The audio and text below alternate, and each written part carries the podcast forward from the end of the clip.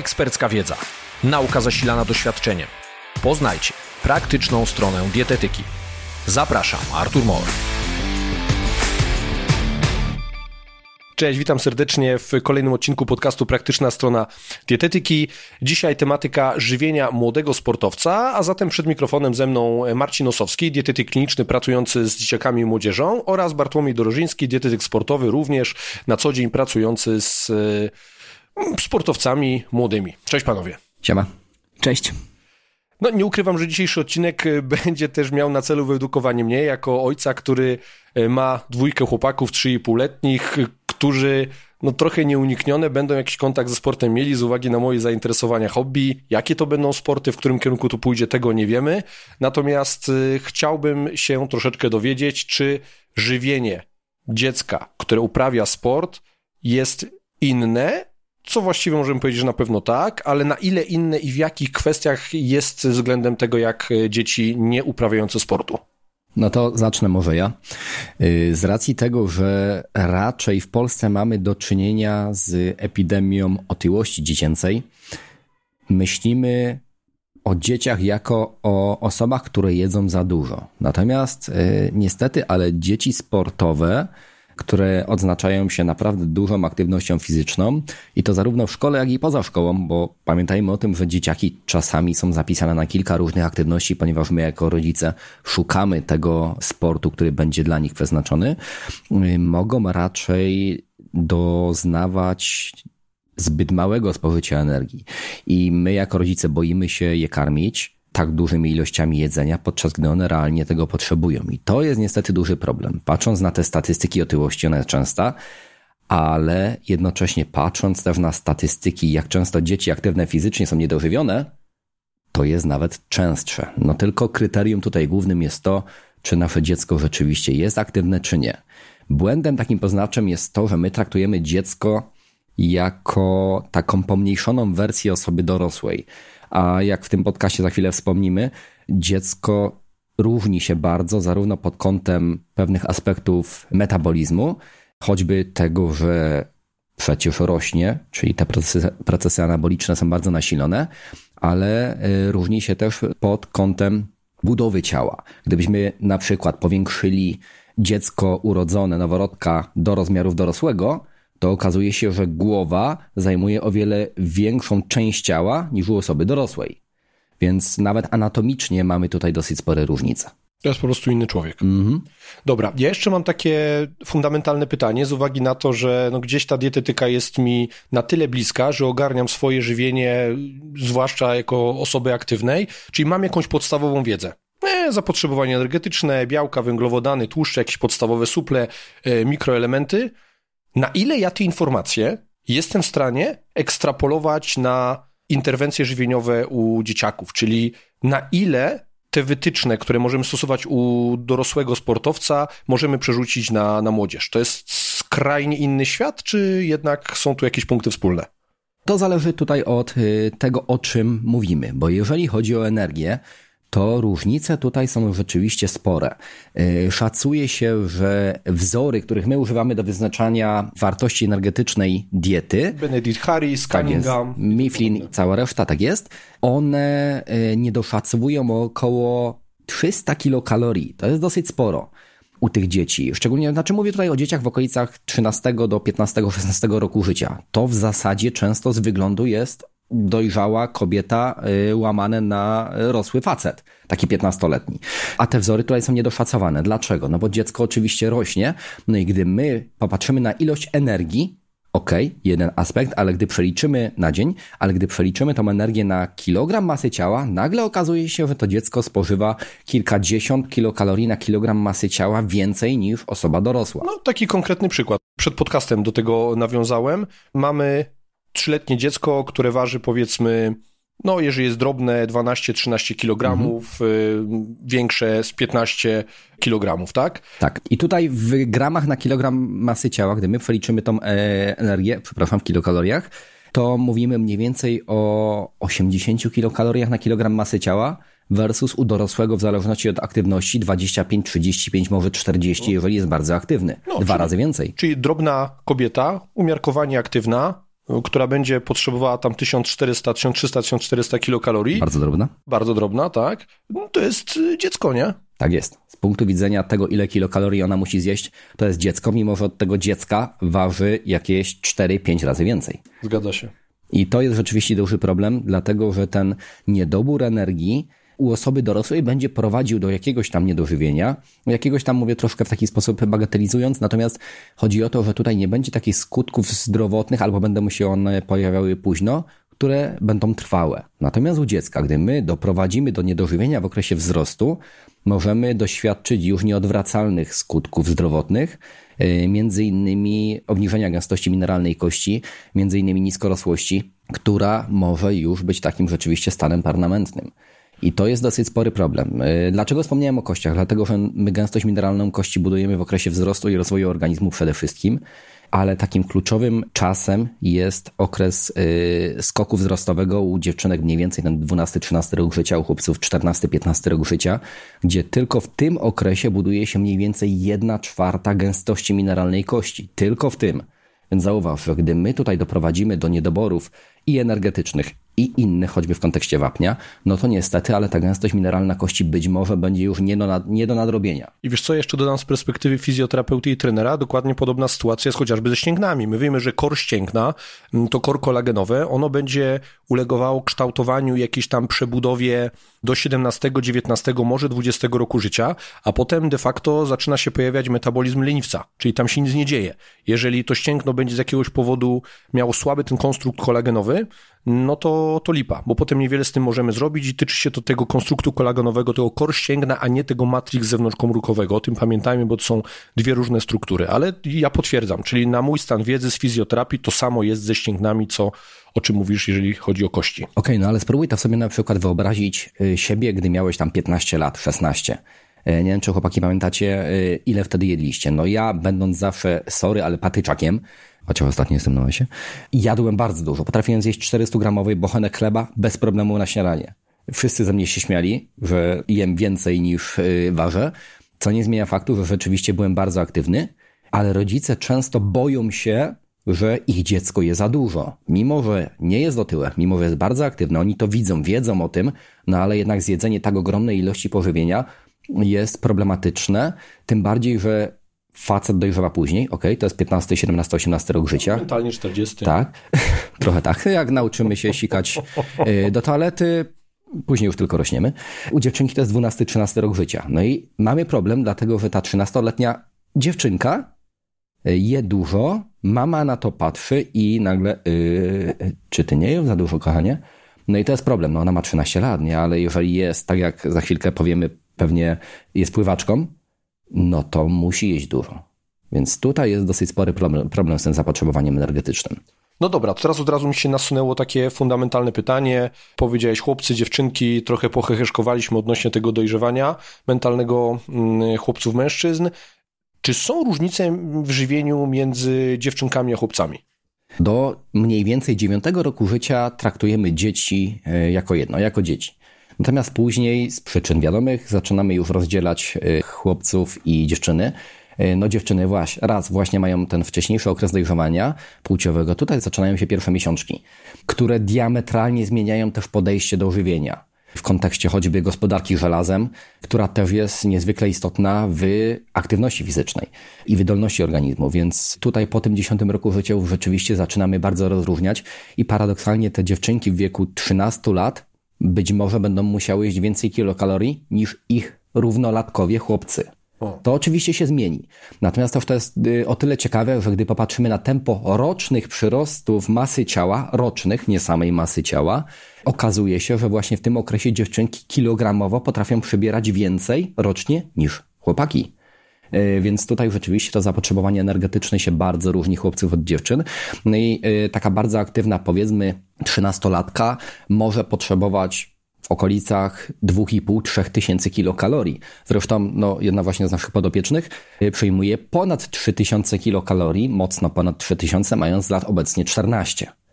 To jest ogromna ilość energii. Co ciekawe, u chłopców wtedy ta ilość jest trochę mniejsza, natomiast gdy chłopak zaczyna dojrzewać, powiedzmy ten 15-17 rok życia już tak bardzo intensywnie, czasami oczywiście wcześniej, e, szczególnie teraz, no to to zapotrzebowanie energetyczne może wykroczyć mocno ponad 4000 kilokalorii. W kilokaloriach na kilogram masy ciała to będzie podobnie, natomiast no, z racji masy ciała większej, najczęściej chłopców, tutaj te wartości niejednokrotnie przekraczają 4000. No dobra, to teraz y, ja jeszcze mam pytanie, na ile z waszych obserwacji, z tego jak pracujecie z takimi dziećmi, młodzieżą, z rodzicami tychże dzieciaków, na ile widzicie, że w tym wywiadzie, który zbieracie, to żywienie ewoluuje wraz z wiekiem. Na ile ono się zmienia, na ile, mm, na ile widzicie, że dziesięciolatek faktycznie inaczej się żywi, aniżeli 15-16-latek.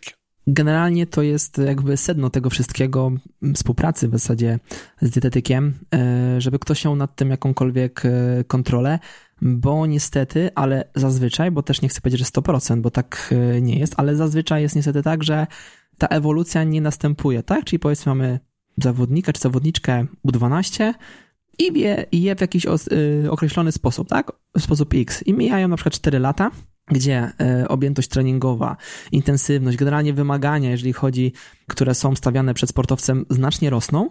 Ta dieta praktycznie zazwyczaj jest bardzo podobna, czyli Zazwyczaj zawodnik, czy też rodzice zawodnika nie są w stanie intuicyjnie zwiększyć podaży chociażby energii i poszczególnych makro, makroskładników. O ile jeszcze e, gdzieś sobie radzimy ze spożyciem białka, bo z tym raczej jako generalnie jako populacja nie mamy problemu, więc e, też ten problem nie jest aż taki duży u sportowców, jeżeli chodzi o samo białko. Natomiast na łeb, na szyję leci spożycie energii, jak i właśnie spożycie chociażby węglowodanów, które w wielu dyscyplinach e, są absolutnie kluczowe, tak? I znowu jakbyśmy sobie przeanalizowali to chociażby w kaloriach na kilogram masy ciała, to powiedzmy, że zaczynamy od wartości X, po czterech latach jesteśmy tak naprawdę w połowie tej wartości, tak? Gdzie ona powinna albo być zachowana na takim samym poziomie, przynajmniej, albo nawet wzrosnąć. Tak samo jest z węglowodanami w gramach e, na kilogram masy ciała, gdzie one są warto na, przy wartości X, a potem znacznie to maleje, tak? Więc to pokazuje, że w zasadzie ta ewolucja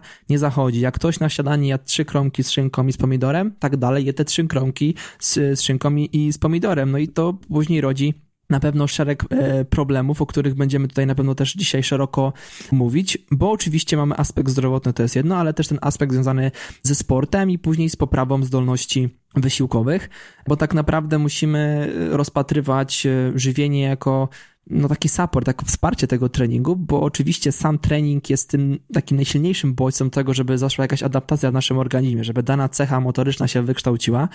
Natomiast jeżeli my nie będziemy dostarczać odpowiedniej ilości energii i poszczególnych makroskładników, no tak naprawdę trening jest robiony na pół gwizdka. Ja zdaję sobie sprawę, że efektywność, ale też przede wszystkim efektowność treningu jest większa, bo jeżeli ktoś sobie jest młodym sportowcem i pójdzie na siłownię i będzie na nią chodził regularnie, to prędzej czy później efekty zauważy w lustrze, po prostu siłą rzeczy. Natomiast jeżeli nie przełoży się do diety, to i tak nie będzie miał tej świadomości, że na przykład ten efekt jest o 50% mniejszy w stosunku do tego, co by mogło być, tak? Więc to jest jakby clue, że dietetyk czy sama dieta optymalizuje ten proces. To nie jest, że coś jest lepsze, gorsze, to jest na tym samym poziomie ważności. Bez tego my ten trening zrobimy, jasne. To nie jest tak, że ktoś nie ruszy z miejsca. Ruszy. Pójdzie na siłownię, podniesie, jasne, ale później finalny efekt wydaje się być, a nawet nie wydaje się, tylko będzie po prostu dużo, dużo mniejszy. Mhm. Wiesz, no u mnie największe obawy budzi to, co, o czym wcześniej mówił Marcin, czyli e, jeżeli obciążymy tego młodego sportowca, on będzie taki niedożywiony, będą zaniedbania, to to może mieć impact na jego przyszłe zdrowie aparatu ruchu. Nie? Ja z perspektywy fizjoterapeuty no, czytam o tym tylko z innej strony, ze strony tych konsekwencji, które wynikają z zaniedbań w obrębie aparatu ruchu, a wy mi mówicie dzisiaj o tym, że to może pochodzić też z tego niedożywienia, z tych błędów żywieniowych. Nie? Więc u mnie to nabiera na znaczeniu. Czyli ja mam taką narrację, żeby na to jednak spojrzeć. Okej, okay, dobra. Ja pracując ze sportowcami, pracując sam ze sobą, mam realny problem, że czasami ta ilość kalorii, którą trzeba przejeść, jest niezłym wyzwaniem, żeby przejeść to tylko z żywności wysokojakościowej e, i czasami trzeba posłużyć się tymi strategiami, w których będziemy stosowali żywność przetworzoną, cukry proste, żeby podbijać sobie tą kalorykę. No i na ile tą strategię, którą wykorzystujemy w sporcie zawodowym dorosłych albo dla własnego wyczynu, stosujemy również u dzieci, czy ją możemy stosować, ewentualnie jakie są plusy minusy stosowania bądź niestosowania tego. To jest jak zwykle odwieczna, odwieczna wojna między tym, co powinniśmy, a tym, co, co robimy, no i potem zazwyczaj się jakieś dwie frakcje e, żywieniowe wspierają o to, tak? Bo trzeba sobie uzmysłowić, że dieta, która jest na poziomie powiedzmy 4000 kilokalorii, to jest spore wyzwanie dla już dorosłego zawodnika czy zawodniczki. Objętościowo jest to bardzo duża ilość jedzenia do, po prostu do, do przejedzenia. Więc jeżeli my postawimy tylko i wyłącznie na pełnowartościowe produkty, czy też na przykład tylko na pełnoziarniste źródła węglowodanów, może się okazać, że zawodnik nie będzie w stanie tego przejeść. Już abstrahując od problemów żołądkowo-litowych chociażby, które mogą się pojawić na, na treningu, jeżeli ktoś na przykład zje dużą ilość błonnika bezpośrednio, czy tam w okolicy treningu. Natomiast tu się pojawia fundamentalne pytanie. Co jest lepsze? Czy to, żeby zawodnik nie dojadł, bo na przykład nie jest w stanie tej objętości już zjeść, bo na przykład tego błonnika, to zostanie przy tym błonniku jest tak dużo, że on jest po prostu syty i nie jest w stanie w siebie więcej e, wepchnąć e, w trakcie danego dnia, czy na przykład pewną pulę pozostawić na chociażby cukry proste, czyli na rzecz, którą chcielibyśmy w naszej diecie, takiej szeroko rozumianej zdrowej diecie, generalnie ograniczać. Bądź też może nie wyeliminuję, bo to jest ciężkie, ale bardzo mocno ograniczać. Natomiast trzeba wziąć pod uwagę, że sportowiec może na pewnym etapie w ciągu dnia, w skali tygodnia, po prostu większej e, ilości takich cukrów prostych potrzebować. To jest jakby jedna kwestia. A dwa, dzięki temu jesteśmy w stanie zmniejszyć objętość jakby tych posiłków i dzięki temu spełnić to zapotrzebowanie na energię, więc tutaj nie ma łatwych wyborów i to na pewno nie jest zero-jedynkowe, więc jeżeli miałbym do wyboru na przykład dać komuś kolejną owsiankę, czy tam kolejną porcję pełnoziarnistego makaronu, czy brązowego ryżu, albo na przykład dać płatki z mlekiem, których faktycznie w ich składzie jest cukier, ale to nie jest tak, że ten cukier po prostu przewodzi w tym jadłospisie, tylko jest jakimś tam małym elementem, ale dzięki temu spełniam zapotrzebowanie na energię, to nie wydaje się to być po prostu jakimś takim kardynalnym błędem. Jasne, jeżeli będziemy podchodzić do tego tak rygorystycznie, tak kardynalnie, bazując tylko na takich czystych produktach, to raz, że możemy doprowadzić do tego, że zawodnik spożyje zbyt mało energii, a dwa, możemy go wpędzić w jakieś zaburzenia odżywiania, co jest absolutnie kluczowe, można powiedzieć, bo musimy pamiętać o jednej podstawowej rzeczy. Nawet jeżeli mamy sportowca, to my przede wszystkim współpracujemy z młodym człowiekiem i chcemy u niego wykształcić jakieś określone tak naprawdę nawyki żywieniowe, z którymi zostanie do końca życia, bo to jest jakby cel nadrzędny każdej współpracy z dietetykiem, czyli nawyki żywieniowe, czy generalnie taka wiedza na temat tego, że jak się odżywiać. Tak by wiadomo, no nikt z nami nie będzie współpracować do końca życia, tak pięknie to nie wygląda, natomiast w takiej współpracy dana osoba powinna sobie w jakimś stopniu poradzić sobie bez nas, albo przynajmniej mieć taką fundamentalną wiedzę na ten temat, jak sobie po prostu radzić żywieniowo. Natomiast znowu odbijanie się od ściany do ściany, w tym przypadku stosowanie tak zwanej tej czystej michy, no może się odbić tak naprawdę wielokoronkowo po prostu źle. Więc nie chcę powiedzieć, że to chodzi o zdrowy rozsądek, bo to nie o to chodzi, bo to jest jakby poparte doświadczeniem, wiedzą i jakimś też rozumieniem sportu jako takiego, tak, że tam są inne wymagania. Dietyka kliniczna, dietyka sportowa, to są jakby zupełnie dwie odrębne gałęzie, często się przeplatają, natomiast w sporcie przede wszystkim liczy się wynik, ale na pewno nie chodzi o to, żeby też komuś zrobić krzywdę. Więc to też nie jest tak, że jeżeli dany sportowiec będzie na przykład jadł więcej tych cukrów prostych w porównaniu do swojego rówieśnika, który nie jest tak aktywny fizycznie, no to nie odczuje negatywnych skutków akurat zwiększonej ilości tych cukrów prostych, bo on będzie w stanie je wykorzystać efektywnie, czy to do odnowienia zasobów glikogenu mięśniowego, czy po prostu jako źródło energii w trakcie swojego wysiłku e, fizycznego, tak? Więc tutaj każdy medal ma dwie strony i takie podchodzenie zero-jedynkowe no może przynieść bardzo wiele po prostu niekorzystnych e, skutków, nie tylko żywieniowych, ale też jeżeli chodzi o tą stronę mentalną. No dobra, a teraz e, rzeczy związane z nawodnieniem młodego sportowca. No bo znowu, kolejna rzecz, którą ja wiem, no to lecimy 40-50 ml na kilogram masy ciała u osób y, aktywnych, dorosłych, uprawiających sport. Wiadomo, są te zmienne, temperatura otoczenia, w której się uprawia ten sport, czas trwania i tak dalej, i tak dalej. Jak to wygląda z tym nawodnieniem u dzieciaków? To w zasadzie wygląda bardzo podobnie. Może ja powiem to około treningowo, a Marcin się odniesie może tak do ogółu. E, jeżeli chodzi o takie około treningowe rzeczy, to oczywiście to nie różni się bardzo mocno od, e, od sportowców e, wyczynowych. Oczywiście też to tempo pocenia się może być relatywnie mniejsze i też tutaj musimy zwrócić uwagę chociażby na masę ciała sportowca, bo to też będzie nam warunkować w pewien sposób, ile płynów, czy to w trakcie, czy też po wysiłku, dana osoba powinna przyjąć. Oczywiście trzeba spojrzeć na ten problem troszeczkę szerzej niż około treningowo, bo tak naprawdę czy to jest sportowiec młody, czy już wyczynowy, amatorski, to do treningu jakiegokolwiek powinniśmy przystępować dobrze nawodnionymi. Więc tutaj najprostszą metodą na sprawdzanie stopnia nawodnienia to po prostu jest kolor własnego moczu. To jest najprostsze badanie tak naprawdę, może nie jakieś efektowne, ale no, najprostsze, tak? Jest bezinwazyjne, możemy kogoś bardzo szybko wyedukować w tym aspekcie, praktycznie dając mu kolory z komentarzem i nawet możemy dać takie zalecenie, żeby ktoś sobie przykleił w talecie. I kolor, powiedzmy taki blado-żółty, y, świadczy o tym, że jesteśmy dobrze nawodnieni. Więc to jest jakby klucz, żeby dobrze rozpocząć, bo nie jesteśmy później w stanie w trakcie treningu nadrobić tego, tak? Czyli jeżeli będziemy odwodnieni przed, to w trakcie raczej to pogłębimy dużo, dużo mocniej, a nie, zresztą też trening nie jest po to, żeby się nawadniać, w sensie uzupełniać te straty, które po, poczyniliśmy w trakcie wcześniejszego, e, czy jakby w, w ciągu dnia, więc e, też to jest jakby podstawa, żeby dobrze rozpocząć, żeby sobie ten e, kolor moczu gdzieś tam sprawdzić. Ciemny, im ciemniejszy, tym większy stopień odwodnienia, natomiast przezroczysty wtedy mówimy o przewodnieniu, czyli też nie jest stan, który byśmy chcieli, żeby u nas nastąpił. Jeżeli chodzi o taki świat idealny, to powiedzmy, że u dzieci tak 50-150 ml płynów co 20 minut. Natomiast to już wymaga pewnej koordynacji, tak naprawdę współpracy trenerem czy z całym sztabem, też wytworzenia pewnej kultury, jeżeli chodzi o daną dyscyplinę, bo w niektórych dyscyplinach po prostu tego nie ma. Nie pamięta się o tym, nie, nie zwraca się na to uwagi, jakby w ogóle, wiadomo, trening ponad wszystko, a to, że to odwodnienie może realnie wpłynąć na nasze wyniki sportowe, no to już jakby na to się tak mocno nie patrzy, mam, mam wrażenie. Oczywiście im cieplej, im większa wilgotność, tym więcej tych płynów musimy przyjmować. Natomiast powiedzmy, że takie 500 ml do 700 to byłoby super.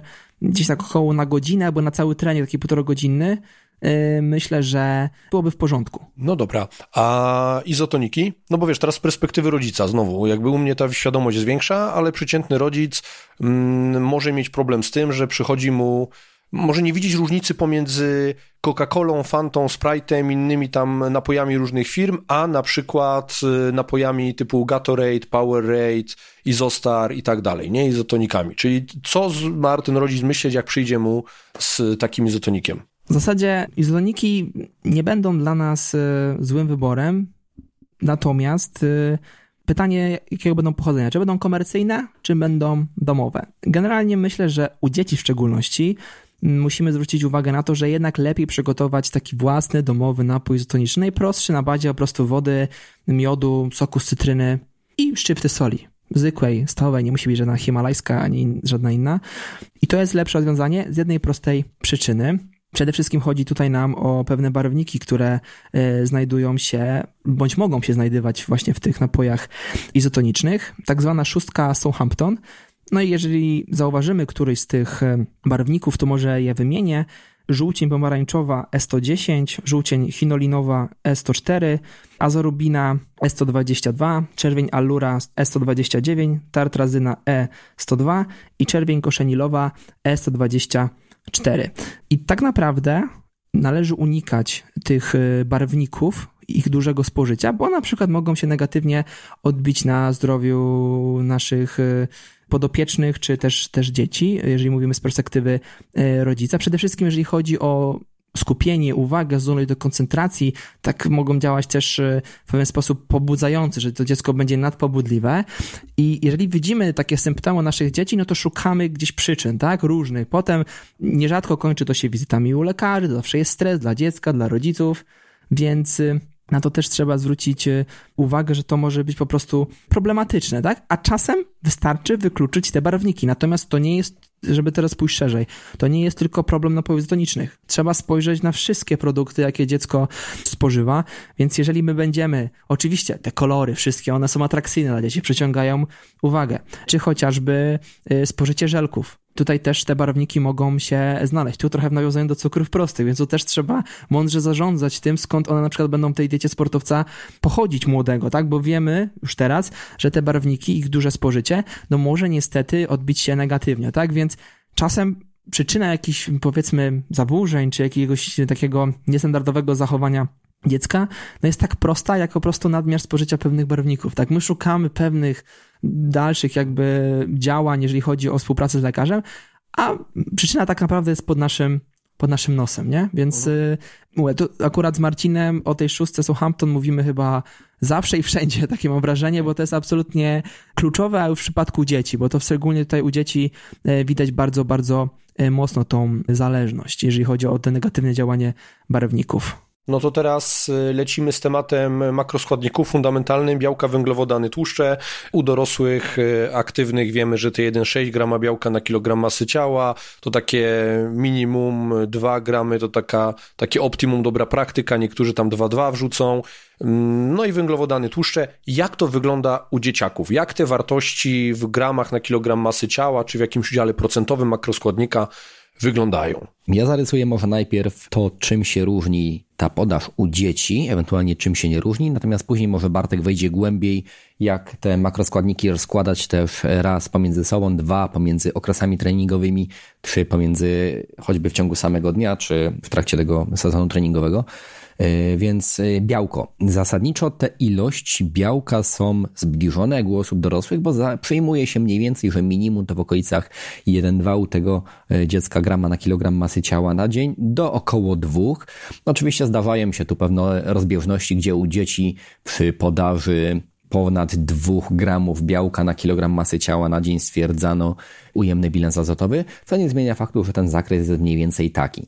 Natomiast ten zakres to jest jedna rzecz. E, druga rzecz jest taka, że potencjalny niedobór, ewentualnie białka, odbije się też bardziej znowu na tych elementach wzrostu i budowy różnych tkanek w naszym organizmie.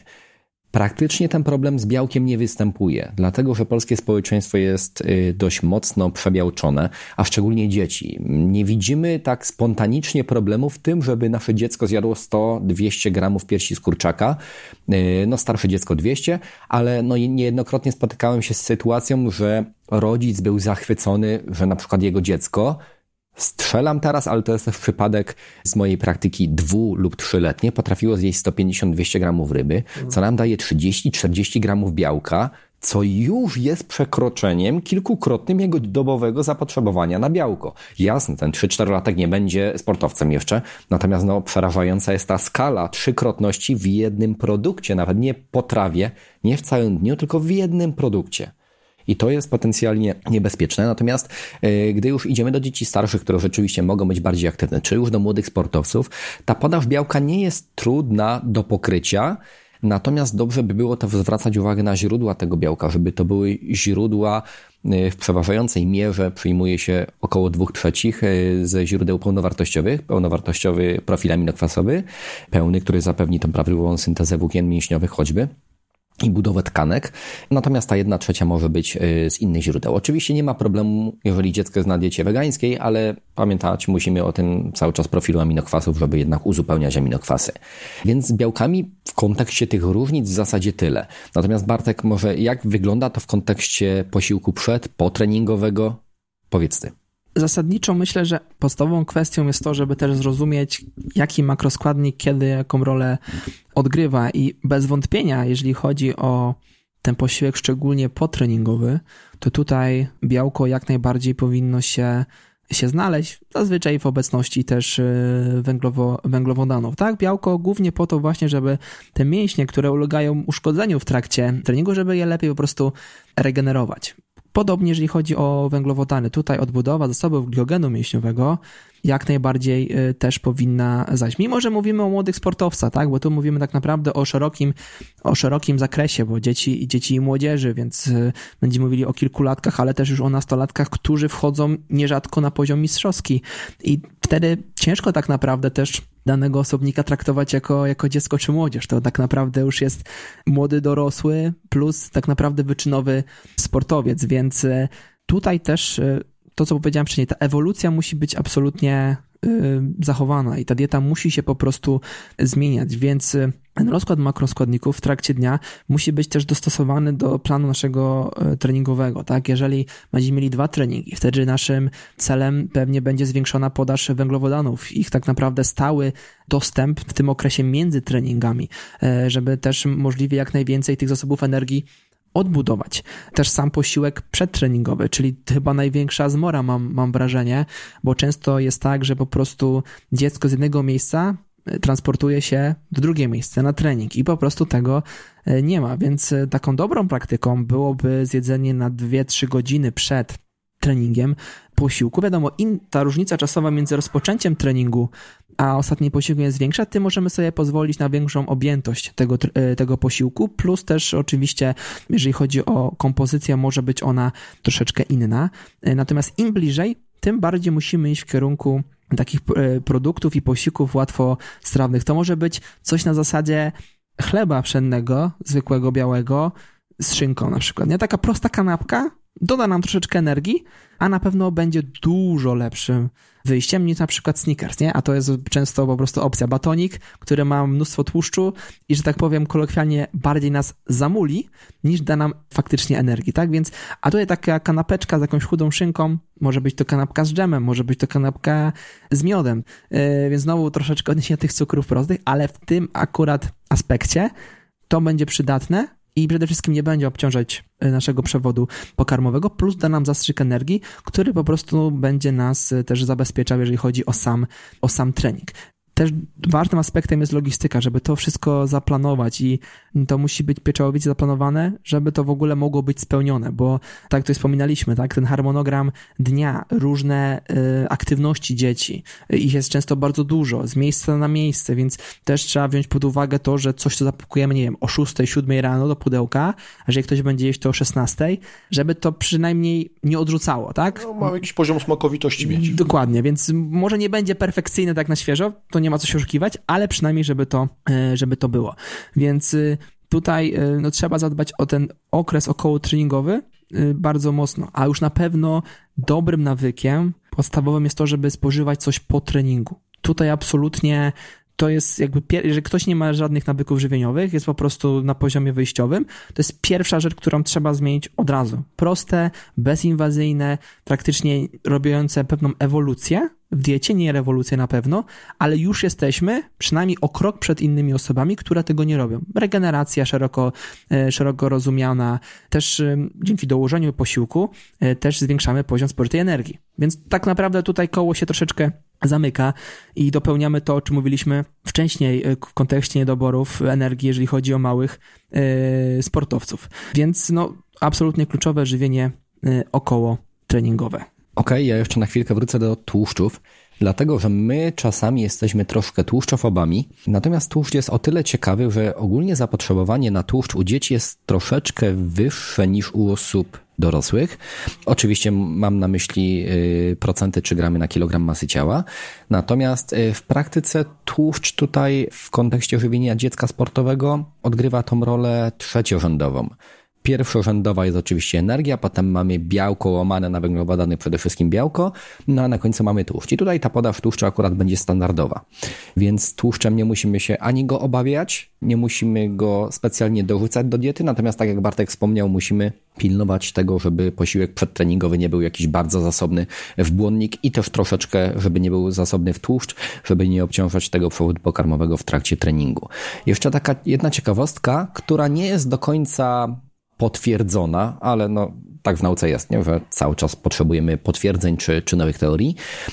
Dzieci troszeczkę inaczej spalają substraty energetyczne w trakcie wysiłku. I tutaj właśnie wchodzimy na balans pomiędzy energią z tłuszczów lub energią z węglowodanów. Dzieci po pierwsze odznaczają się mniejszą ilością glikogenu, czyli tego y, materiału zapasowego, węglowodanowego w naszym organizmie, ale też wydajniej potrafią utleniać kwasy tłuszczowe nawet w trakcie wysiłków, które standardowo zaliczylibyśmy do wysiłków beztlenowych. Beztlenowych, czyli tak troszeczkę dla przypomnienia fizjologii, tych, w których tłuszcze utleniają się słabo. Dzieci potrafią utleniać się troszeczkę lepiej.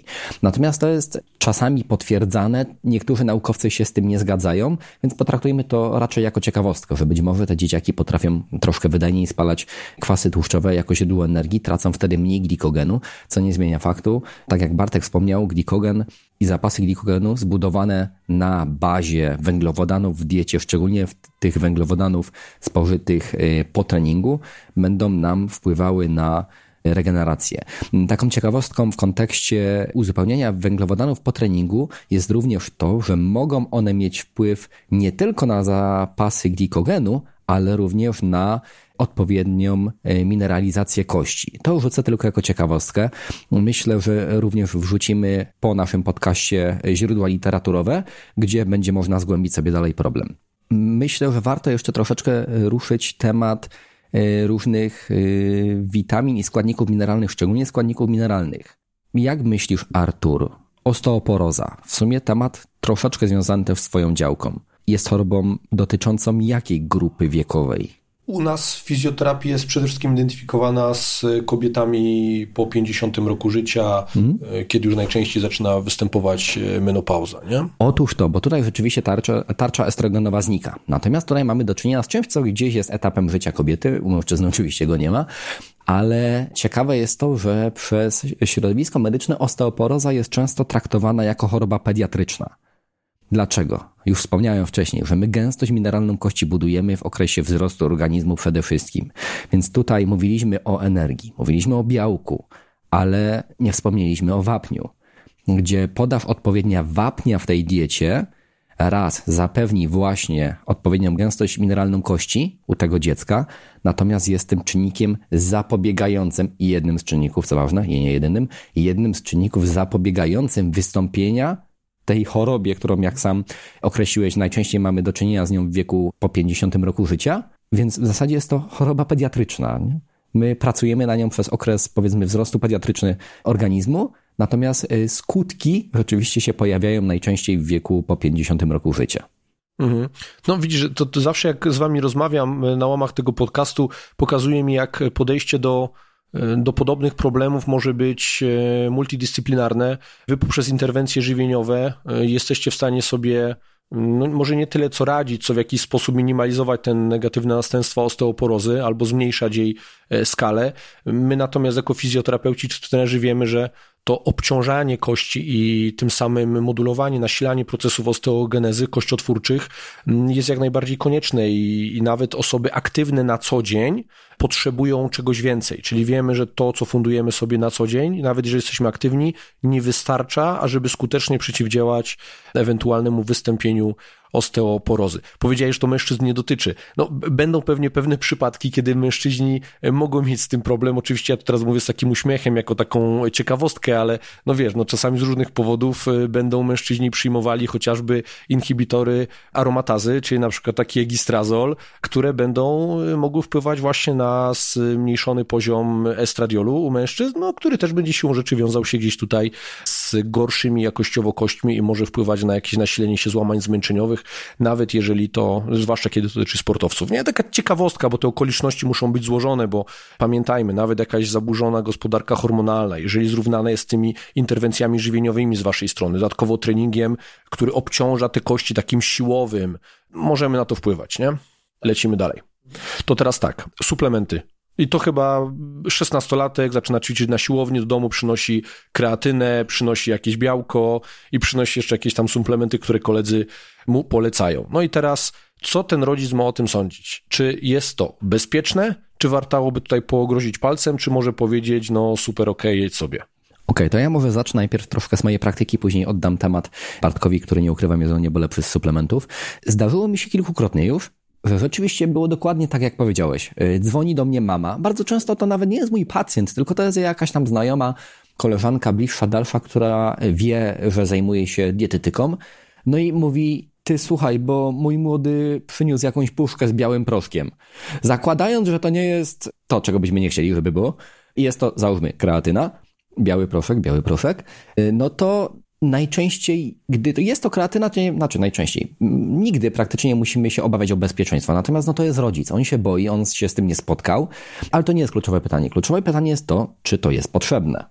Badania pokazują, że rzeczywiście te suplementy do diety młodych sportowców wkraczają coraz wcześniej. W Polsce jeszcze nie jest to tak bardzo nasilone, ale w Stanach Zjednoczonych to już jest wiek 12 i mniej czasami lat. Więc tutaj y, te suplementy rzeczywiście stanowią jakieś zagrożenie. I to, co ja chciałbym na co zwrócić uwagę, to jest legislacja dotycząca suplementów. Pytanie, skąd ten nasz Bartuś, sorry Bartek, weźmie te suplementy, no bo gdy kupi suplement i jakiś, załóżmy tam kreatynę renomowanego producenta, czy odżywkę białkową, czy jakiś inny działający lub niedziałający, niech będzie to BCA, suplement, to skupi z pewnego źródła, a raczej nie będzie to wielki problem. No i pewnie mu to BCA nie zadziała, no i zasadniczo tyle, ale nic złego się nie stanie. Natomiast gdy kupuje je tak, jak my bardzo często teraz kupujemy na Allegro, na, nie daj Boże, AliExpress, chociaż nie wiem, czy nie daj Boże, ale po prostu w sieci, gdzie nie mamy tej kontroli jakości, a bardzo, przepraszam za zwrot, ale napalamy się jak szczerbaty na suchary, na suplementy ze Stanów, no to nie wiemy, co kupujemy. Potem powiemy, że działa, puchnę, rosnę. Tylko skąd my możemy wiedzieć, że tam nie ma na przykład sterydów? I to jest z mojego punktu widzenia pediatrycznego problem. Natomiast tutaj już też trochę y, pytanie do Bartka. Bartek, jak myślisz, kiedy można wrzucić te suplementy do diety naszego sportowca? Czy to jest wiek, nie 12 lat, 14 lat, 16 lat? W zasadzie nie ma żadnej, przynajmniej według mnie, e, złotej granicy. W sensie, że to ma być zawsze 14, zawsze 15, zawsze 16, bo tak naprawdę to, co będzie nam determinować wprowadzenie suplementów, to po pierwsze to, czy zawodnik ich faktycznie potrzebuje. To jest jakby słowo klucz. Tutaj myślę, że jak każdy z nas tutaj siedzi, jest zwolennikiem takiego podejścia jedzenie na pierwszym miejscu. I dopiero gdy my wykorzystamy ma maksymalny potencjał żywienia u danego zawodnika, wtedy możemy rozważyć suplementację, która ma dać coś ekstra. Suplementacja, przynajmniej jeżeli mówimy o wynikach sportowych, nie powinna polegać na tym, że po prostu pokrywa pewne niedobory, które mamy w diecie.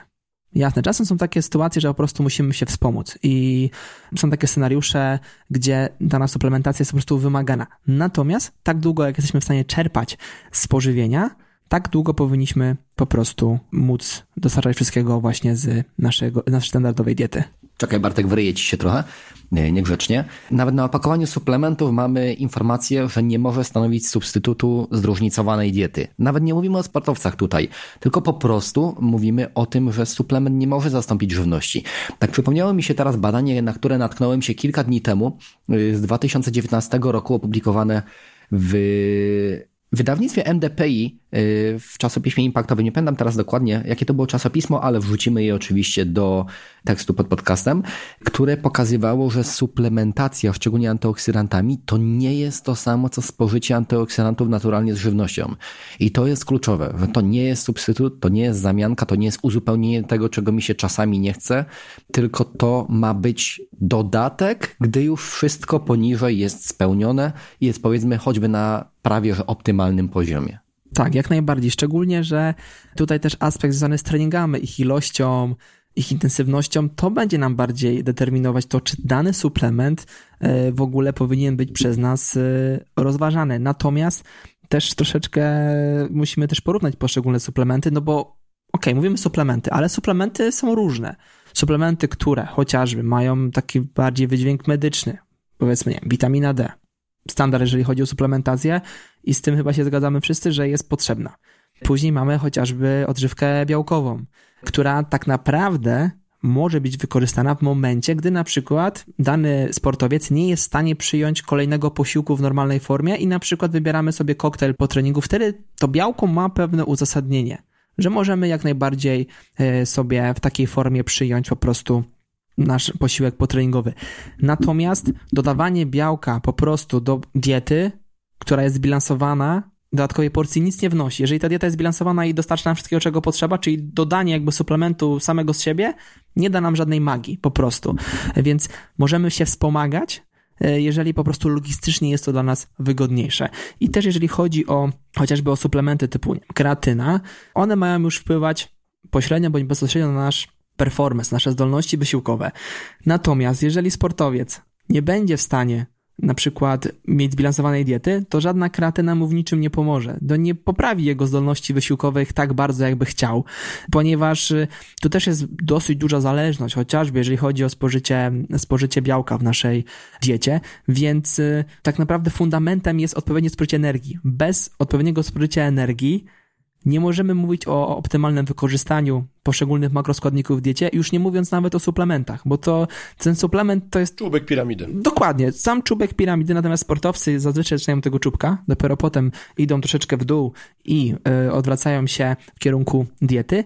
Natomiast y, Na pewno, jeżeli mamy do czynienia ze sportowcem, który chociażby trenuje dyscyplinę, gdzie może być narażony na kontrolę antydopingową, wtedy absolutnie musimy też zadbać o czystość tego produktu i sprawdzamy, czy mają certyfikaty poświadczające jakby skład. Wtedy jak najbardziej. Tutaj Marcin poruszył dosyć e, ważną kwestię, czyli suplementy ze Stanów Zjednoczonych. Jak ktoś kiedyś miał w ręce taki suplement, to potem te etykietki są tak ponaklejane, w sumie nie wiadomo, która jest która. Jest jakby etykietka oryginalna i na to jest, na to jest naklejona jakby nasza, taka już powiedzmy do obrotu w Europie. Natomiast nierzadko się zdarza, że to, co jest pierwotnie, a to, co jest u nas, potrafi się różnić. Przypomniała mi się też taka sytuacja i to niedawno, nawet nie wiem, czy nie poruszaliśmy jej w podcaście, ale był y, pewien suplementów przeznaczonych dla sportowców, gdzie y, na etykiecie była informacja o jakiejś substancji chemicznej, która w Polsce jest niedozwolona, Inspekcja sanitarna zbadała ten suplement, oczywiście w celu też wycofania, no skoro jest coś niedozwolonego, wycofujemy. Okazało się, że jej nie było. No i teraz pytanie, za co my mamy pozywać producenta suplementu? Za to, że miała być substancja niedozwolona, czy za to, że miał niezgodny skład z deklaracją? Nie dał tej substancji niedozwolonej, więc zasadniczo to jest tak, jakbyśmy dali komuś mąkę i powiedzieli, że to jest y, kokaina, nie? Y, no ale to jest dosyć komiczna sytuacja. Y, czy go karać za narkotyki, czy Tak, dokładnie tak. Więc no niestety to jest bardzo duży problem w kontekście suplementów, właśnie szczególnie tych sprowadzanych ze Stanów. A pamiętajmy, że zarówno w Polsce, jak i w Stanach Zjednoczonych i w większości krajów na świecie suplementy są dosyć, delikatnie mówiąc, luźno regulowane prawnie. Zatem zasadniczo nic nie stoi na przeszkodzie, żeby coś tam gdzieś tam kombinować. No szanse na zbadanie suplementu są dość niewielkie, kilkunastoprocentowe, a kary też bywają różne. To, co zarobiliśmy, to, no to zasadniczo nasze, nie? więc jest to trochę e, na pewno problem. Oddaję Bartkowi. To ja jeszcze mam kolejny temat, czyli e, wiem, że sportowcy poddani dużym obciążeniom treningowym Należy się spodziewać, że będą mieli większe ryzyko zachorowalności, będą bardziej narażeni na różne infekcje. No i jak to wygląda u dzieciaków? Czy ta zależność e, również występuje? Dobra, nie oddaję głosu Bartkowi. Odporność. Jasne, że tak. Na odporność składa się bardzo, bardzo wiele czynników i tutaj e, jednym z tych podstawowych czynników będzie niedobór energii. E, drugim elementem będzie niedobór białka, chociaż on się akurat zdarza rzadko. Natomiast trzecim elementem, i tutaj już idziemy znowu w stronę tego prawidłowego żywienia sportowca jest choćby niska wartość odżywcza diety. I tutaj nie chodzi mi o to, o czym wspomniał wcześniej Bartek, że nie możemy dać płatków z cukrem, które czasami mogą być ok. Chodzi mi na przykład o to, że powszechna jest praktyka, wspominał mi o tym Bartek, gdy opowiadał o czasach swojej młodości, nie żeby był stary, gdy po jakichś tam meczach y, zawodnicy wygrali mecz, jechali w nagrodę do Maka. Przegrali mecz, jechali, żeby się pocieszyć do maka. Y, mówimy o dzieciach, bo dorośli jadą na piwo. No i jeżeli to nazywamy żywieniem potreningowym, no to coś tutaj nie gra. Natomiast dlaczego tutaj o tym wspominam? Dlatego, że ta niska wartość odżywcza diety, że ta jakość żywności, którą y, ci sportowcy spożywają, szczególnie w okresie powysiłkowym, choćby niech będzie ten fast food, na przykład jakiś tam kolokwialnie mówiąc mak, bo oczywiście nie ma znaczenia tutaj sieć, nie dostarcza nam związków, które by tą odporność poprawiały. Przecież z fizjologicznego punktu widzenia y, wysiłek fizyczny do pewnego momentu poprawia odporność, natomiast gdy my mówimy już o sportowcu, to najczęściej mamy dosyć duże obciążenie treningowe, mamy obciążenie meczem i tutaj ta odporność wręcz może spadać, więc powinniśmy dostarczyć do organizmu substancji, które by wpływały pozytywnie na, na tą odporność, choćby antyoksydantów, choćby niezbędnych nienasyconych kwasów tłuszczowych, choćby odpowiedniej ilości żelaza. No a nie ukrywajmy, w żywności przetworzonej tych składników jest bardzo mało, więc mamy po pierwsze niedobór składników modulujących odporność, a po drugie mamy sport jako czynnik wyczynowy, jako czynnik, który tą odporność również może upośledzać. Więc tutaj naprawdę kluczowe znaczenie ma dostarczenie i znowu podkreślę, raczej naturalnie z dietą, bo co do suplementacji badania są bardzo sprzeczne. Niektóre Bartek pokazują nawet, że przecież suplementacja antyoksydantami może mieć delikatnie negatywny wpływ. Suplementacja, nie spożycie z dietą. Możemy mówić godzinami o tym, dlaczego tak może być, dlaczego suplementy nie, a dieta tak, ale niestety no, to jest ten problem, jednocześnie ujęty wcześniej, że suplementy to nie to samo co dieta, ale jednak ta zła dieta mm, w kontekście odporności będzie nam dość mocno upośledzała odporność organizmu. No zawodnik chorujący to zawodnik opuszczający treningi, to zawodnik tracący wydolność fizyczną, no i niestety zawodnik gorszy. Przecież czasami w różnych sportach medal czy nawet poziom olimpijski versus poziom lokalny, to jest kilka sekund albo i mniej, nie? Więc ta odporność będzie miała kluczowego znaczenie, kluczowe znaczenie. No a jak to wygląda z problemami żołądkowo-jelitowymi? U dzieciaków. No bo powiedzieliśmy sobie, że w ramach tych dzieciaków aktywnych możemy stosować różne interwencje żywieniowe, oni też będą mieli różne potrzeby, no bo możemy mieć dzieciaka, który ćwiczy bardziej siłowo-szybkościowo, dzieciaka, który ćwiczy bardziej wytrzymałościowo, a właśnie to, co ja wiem, no u sportowców wytrzymałościowych to żywienie wygląda zupełnie inaczej. Jeżeli biega jakieś długie dystanse, no to pojawia się jakieś specyficzne żywienie w trakcie tego wysiłku, stosuje się tu odpowiednie strategie, które i tak trzeba wytestować, bo może różnie na nie ten zawodnik zareagować. A jak to jest u dzieciaków? Czy mamy podobne zasady, czy może tak strzelam, tolerancja na przykład u tych dzieciaków na różne interwencje żywieniowe jest większe, a może wręcz przeciwnie, może zmniejsza? Generalnie te zasady, jeżeli chodzi o żywienie, takie powiedzmy w trakcie wysiłku, nie będzie się znacząco różnić między dziećmi a już dorosłymi, ponieważ no, jesteśmy jakby w tych grupach jakby narażeni na te same na te same czynniki. I tutaj znowu kluczowe jest zrozumienie właśnie elastyczności tej diety i tego, że to nie zawsze musi być właśnie ten produkt pełnoziarnisty, nie? To jest to, o czym mówiłem. Czyli przed treningiem wybierzmy na przykład biały makaron zamiast tego pełnoziarnistego, ograniczmy spożycie błonnika, zmniejszamy ryzyko wystąpienia problemów żołądkowo-jelitowych. Tu w kontekście sportów wytrzymałościowych e, najczęściej e, pierwszym jakby krokiem jest wybór jakiegoś e, żelu energetycznego, tak? Biorę żel. Idę gdziekolwiek, teraz w sklepach jest praktycznie, już abstrahując od tego, że to właśnie mamy ten... Tam jest cukier. No właśnie, ten rzeczony cukier, tak bardzo upraszczając, bo to tak nie, trzeba by troszeczkę się rozwinąć, ale może w jakimś innym y, naszym y, podcaście. Natomiast często te osoby zapominają o tym, żeby popić i potem pojawiają się problemy żołądkowe, więc mamy świetny pomysł, idziemy, kupujemy, bo gdzieś tam coś przeczytaliśmy, gdzieś tam świta, że potrzebujemy tej energii w trakcie, natomiast w momencie, gdy nie, nie popijemy, no bo okej, okay, chyba, że ktoś kupi izożel, nie? Okej, okay, wtedy Dobra, natomiast zakładam, że większość, 95% na przykład, rozpoczynająca jakby przygodę w ogóle ze sportem, z żywieniem okołotreningowym, czy też w trakcie wysiłku, no jeszcze się tak aż bardzo mocno w to nie zagłębiała. Więc w tym momencie jak najbardziej tak, y, to też może być ten czynnik, a czasem naprawdę taki żel, tak, czyli też jest jakby nie było suplementem, może sprawić nawet frajdę zawodnikowi, że o, mam żel, nie? Czyli jestem o jakiś krok wyżej tej profesjonalizacji, bo trzeba o tym pamiętać, że na kim się wzorują zawodnicy? Na tych najlepszych, tak? I nie wiem, taki mój mały apel, bo naprawdę ja staram się śledzić na bieżąco e, różne e, filmiki na YouTubie, szczególnie z dyscypliny, która mnie interesuje, czyli piłki nożnej i uwierzcie mi, mógłbym po prostu pisać, nie wiem, magisterkę albo coś więcej na temat rzeczy, które są tam na temat żywienia jaki jest duży problem w zrozumieniu istotności tego żywienia, ale też potem egzekwowania odpowiedniego, jak jest po prostu pomieszanie z poplątaniem. Potem dzieci oglądają to i potem mogą powielać podobne błędy, więc y, na to trzeba zwrócić uwagę. Natomiast wracając też do problemów żołądkowo na pewno ciężkostrawne produkty, czy na przykład produkt, który będzie smażony, czy właśnie duża ilość tłuszczu w, y, w posiłku przed wysiłkiem,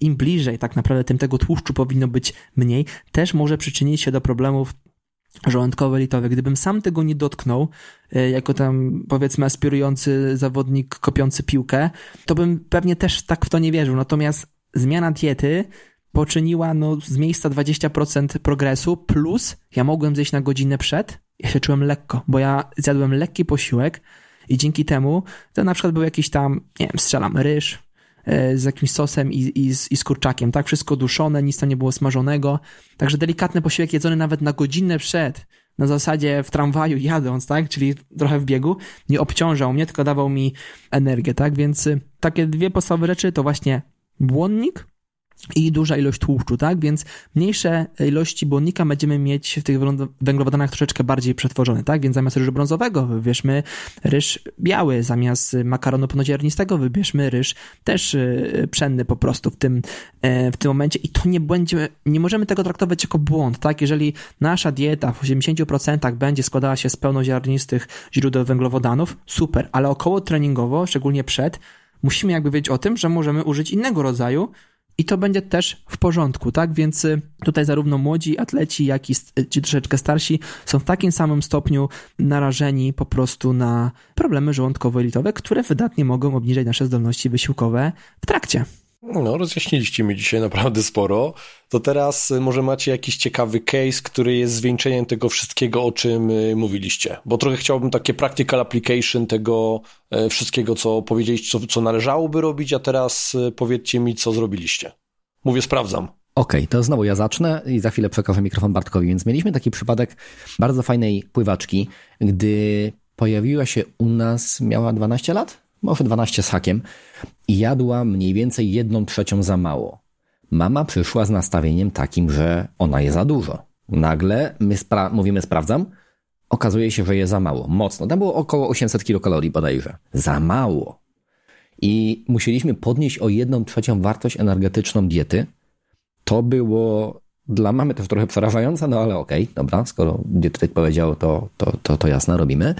Natomiast co było ciekawe, ona w ciągu w zasadzie pół roku, trochę ponad, poprawiła się w wydolności i w swoich osiąganych wynikach mniej więcej o 3 lata kalendarzowe, takie zawodniczek w jej wieku. Tak jakby przeskoczyła bardzo mocno. To było pół roku i teraz to nie chodzi o to, że ta nasza dieta była taka super, tylko być może o to, że wcześniej ta dieta była rzeczywiście mocno niedoborowa raz pod kątem energii, bo to było na pewno, ale dwa też pod kątem węglowodanów. Tutaj zaraz Bartek powie, co zrobiliśmy i, i, i jak to zostało usystematyzowane. I naprawdę no, wtedy różnica była ogromna. Oczywiście, gdy już później to było wyrównane, te postępy musiały spowolnić, ale one cały czas są, bo współpracujemy dalej od już ponad dwóch lat. Ale Bartek, powiedz może, jak y, ogarnąłeś to, że ona raz jest uczennicą. No 12 lat to jest uczennica, to jest jeszcze dziewczynka, nie? Mimo, że w zasadzie już wtedy bardzo wysoka, ale jak ogarnąłeś to, że ona idzie do szkoły, że w szkole ma posiłki, czasami ma treningi przed szkołą, czasami ma treningi po szkole, obecnie nawet ma treningi wieczorami o 20, więc jak to zrobiłeś? Znaczy przede wszystkim y, to wspólnie, to po pierwsze. Natomiast y, zaletą naszych jadłospisów jest to, że w pewien sposób są, można powiedzieć, interaktywne. Czyli one nie są sztywne, tylko dzięki temu, że możemy sobie, czy to w skali tygodnia, czy w skali dnia, pewne rzeczy przesuwać, dzięki temu nawet zmiana godziny treningu, czy też nawet e, pewne różnice w poszczególnych dniach, w treningach, ich ilości, godzinach, dzięki temu nie ma problemu z tym, żeby przede wszystkim zabezpieczyć e, danego sportowca pod kątem energii. Natomiast co zrobiliśmy, to przede wszystkim dołożenie tego żywienia po treningu. To był, ta, to był taki stały punkt. Stały punkt, który musiał po prostu być. Dru... Myślę, że to był game changer w, tej, w tym planie żywieniowym. Rzeczywiście posiłek potreningowy. No w zasadzie to jest znowu ta pula energii dodanej z miejsca. Przed, druga rzecz to urealnienie tych posiłków, które były do szkoły, czyli coś, co a, zawodniczka chce, dwa, coś, co może zabrać i będzie jej smakować. I to było jakby kluczowe, żeby postawić właśnie na tego typu e, rzeczy. Oczywiście pojawiały się różne rzeczy, jeżeli chodzi o samą dietę, również jakieś słodkości, żeby troszeczkę tutaj dołożyć takiego poczucia, że mogę wszystko na takiej zasadzie, że trenuję ciężko i po prostu nie muszę się tak bardzo ograniczać. Dzięki temu też troszeczkę odżywiamy tą stronę mentalną, dzięki czemu zwiększamy prawdopodobieństwo tego, że ta dieta będzie wykonana no, nawet blisko tych 100%, ale kluczem było to zwiększenie energii które wydatnie pokazało, jak to ciało potrzebowało po prostu wzrostu tej, tej energii i też pewna kompaktowość, jeżeli chodzi o ten e, jadłospis, bo też chodzi o to, żeby e, no, mocno ograniczyć czas, e, jeżeli chodzi o przygotowanie poszczególnych posiłków. To nierzadko po prostu jakieś gotowanie na dwa dni, tego typu rzeczy, ale przede wszystkim właśnie zadbanie o to, żeby to smakowało. To było jakby kluczowe. Tutaj dobór tych wszystkich smaków, żeby po prostu chętniej to było spożywane. No i właśnie fajnie nam się współpracowało z tego powodu, że ja jako osoba, która bardzo lubi pracę z, z dziećmi, no to w zasadzie już była prawie już młoda dorosła, ale e, no powiedzmy z populacją pediatryczną, a Bartek, który patrzy bardziej przez pryzmat sportowy, robiliśmy to razem, konsultowaliśmy się cały czas, nieprzerwanie i dzięki temu ja, mając pryzmat pediatryczny, Bartek mając pryzmat sportowy, mogliśmy zrobić rzeczywiście takie optimum.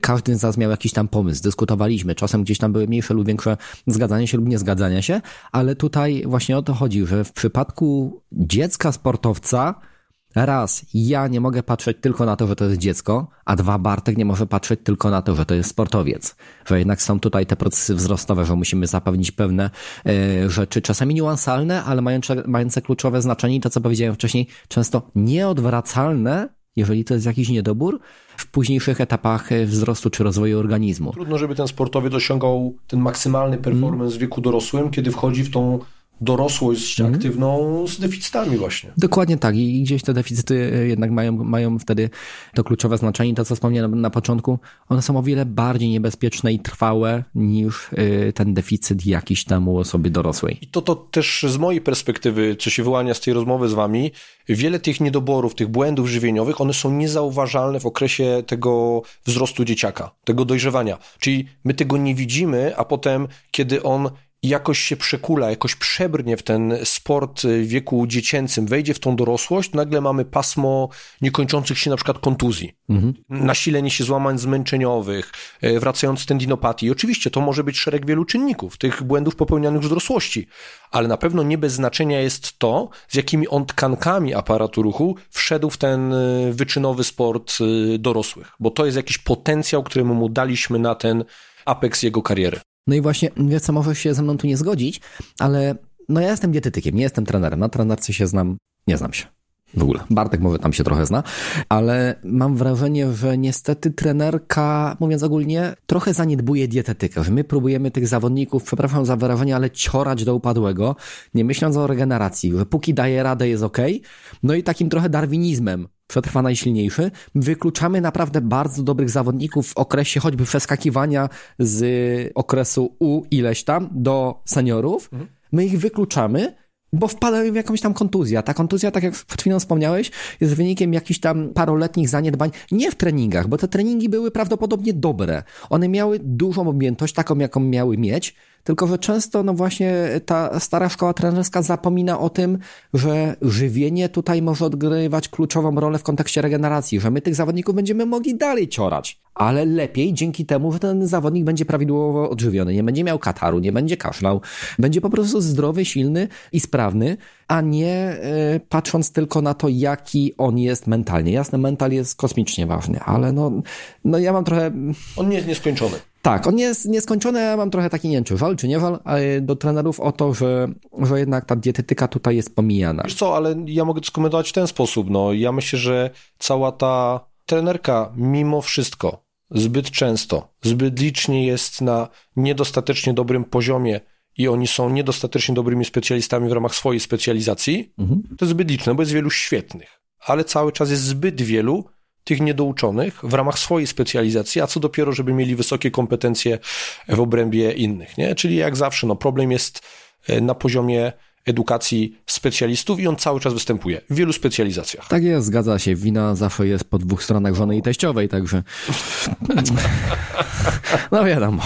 Zgadza się. Okej, okay, panowie, ponad godzina podcastu za nami, solidny kawał wiedzy dwie tęgie głowy ze mną. Dziękuję Wam za poświęcony czas i mam nadzieję, że ten podcast dotrze do jak największego grona mm, rodziców, bo to oni będą mieli wpływ na to, jaki potencjał do rozwoju dadzą dziecku i na pewno to żywienie, które wiemy, jak jest ważne, po dzisiejszym podcaście mam nadzieję stanie się jeszcze ważniejsze i będzie realizowane dużo bardziej świadomie. Jeżeli chcieliby, ażeby takie dwie tęgie głowy prowadziły ich dzieci, no to oczywiście mamy Marcina, mamy Bartłomieja, także panowie są na posterunku. Ja ze swojej strony zapraszam do odsłuchania pozostałych odcinków praktycznej strony dietetyki, no i do usłyszenia przy okazji omawiania kolejnych równie ważnych tematów. Dziękuję panowie. Dzięki, do usłyszenia.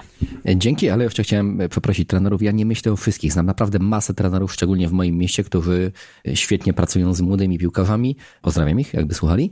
Ale no, mam wrażenie, że to mimo wszystko jest może połowa, może mniej. Także dzięki, nie obrażajmy się, współpracujmy, y, dbajmy razem o, o, o zdrowie i osiągi naszych dzieciaków. Podpisuję się pod tym. Trzymajcie się, cześć, hej. Cześć. Odsłuchałeś odcinek podcastu Praktyczna strona dietetyki. Jeżeli chciałbyś pozyskać więcej wiedzy związanej z utrzymaniem zdrowia, sprawności i pełni możliwości psychofizycznych człowieka, to z pewnością zainteresuje Cię mój pierwszy podcast, zatytułowany Praktyczna strona treningu. Do usłyszenia, Artur Mor.